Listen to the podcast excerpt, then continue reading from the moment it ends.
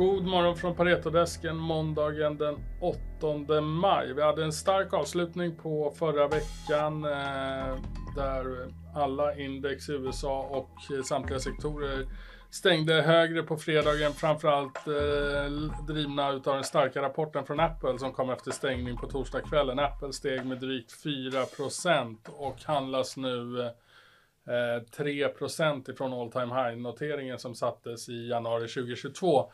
Eh, Apple är ju plus 7% utav S&P 500 så att den har en väldigt eh, stor påverkan. Och vad vi kan konkludera efter earnings season som generellt sett har varit, kommit in starkare än väntat när det kommer till eh, apps-tillväxt i USA är ju att de ledande techbolagen Apple, Microsoft, Amazon, Meta, Google har kommit in med stabila till positiva rapporter och det där har gett bra stöd för marknaden att, att orka hålla upp trots eh, fortsatt oro i, i banksektor och generella tecken på, på en svagare konjunktur. Eh, vi får se var det tar vägen här under andra kvartalet, men första kvartalet har, har, var ju en, en, positiv överraskning. Här på Pareto så har vi gått igenom lite olika bolag på, på morgonmötet, bland annat Securitas. Gjort vår eh, uppdatering efter deras eh, Q1-rapport som kom förra veckan. Eh, vi sänker riktkursen till 135, men bibehåller en köp. Den aktien ja, det är en ordentlig uppsida till, till vår riktkurs där och vi får stöd i det från en väldigt stark utveckling i Nordamerika. Men även teknologidelen som nu är en separat enhet som går horisontellt över de geografiska vertikalerna. Eh, den utvecklas väldigt bra och den särredovisas för första gången och visar då på en stark tillväxt och en marginal på över 10 Och vi tror att värderingen utav både teknologi och eh, om man skulle värdera de geografiska divisionerna separat så skulle vi se, ser vi ordentliga argument, solida argument för en bra värdering av Nordamerika och eh, teknologidelen. Det här kompenserar mer än väl för den svaga marginalutvecklingen som vi såg i Europa. I Europa så har man bra utveckling, bra, man möter en bra efterfrågan. Men man har problem med att bemanna det med egen personal. Så man får använda sig av en högre andel subcontractors och det är lägre marginal på dem och det pressar marginalen.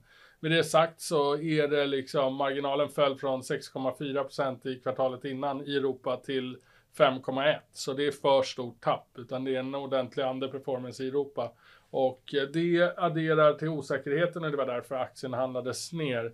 Ehm, men vårt sätt att se på det här är ju att eh, tittar man på de här starka delarna så bara de alena validerar liksom en värdering som är högre än vad bolaget har i dagsläget. Och utöver det så ser vi potential. Man har en väldigt bra cash conversion utav sin, sin rörelsevinst som ligger på över 70 procent och det här bidrar till starkt kassaflöde sett över ett år. Q1 är alltid det svagaste kvartalet.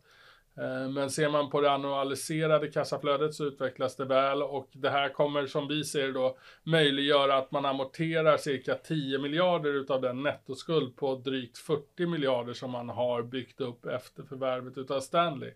Och får vi ner nettoskulden med 10 miljarder under perioden 23 till 25 så kommer det ha en ordentligt positiv påverkan på värderingen utav in i våra ögon. Så det är i korta drag vår syn på Securitas. Men det ska jag lämna över till Anders Roslund som ska prata Assa.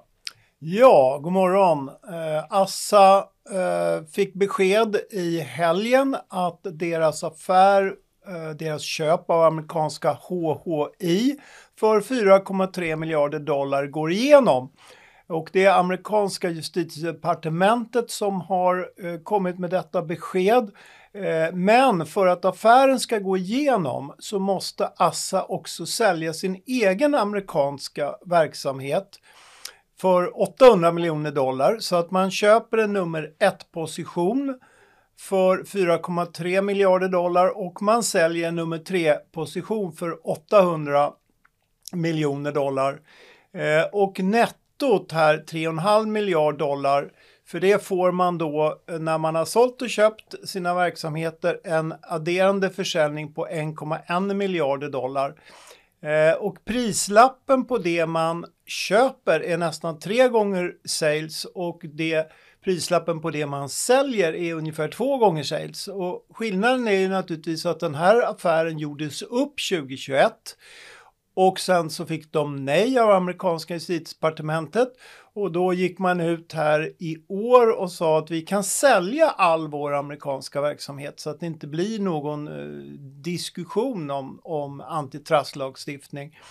Eh, och det är klart att den prislappen man fick för det man säljer i år är ju lite tvångsrelaterat så att prislappen där är inte alls lika bra. Så att marknaden känner till all data för den här affären så att det enda nya idag det är att den faktiskt blir av. Och det var ganska väntat, men dock lite tidigare kanske än det, vi hade väntat besked i, i början på juni. Så att summa summarum är att jag tar ner min riktkurs från 310 till 300, men jag tycker att Assa har nästan en uppsida på 25 procent. Och jag tror att aktiekursen kan gå upp på det här därför att det här som jag sa, det har varit väntat och ibland är ju mark marknaden så att när man väl får beskedet och allt är klart och man ser siffrorna så kan man ta nya tag och säga att okej, okay, det var väl ingen bra timing på den här affären, men eh, det är långsiktigt ändå viktigt att de blir nummer ett på den amerikanska privatmarknaden. Så att Ja, med lite tvekan så tycker jag ändå att det är skönt att det här är över och jag tror att eh, Assa kan vara ett bra köp. Tack för det Anders. Ha en bra dag.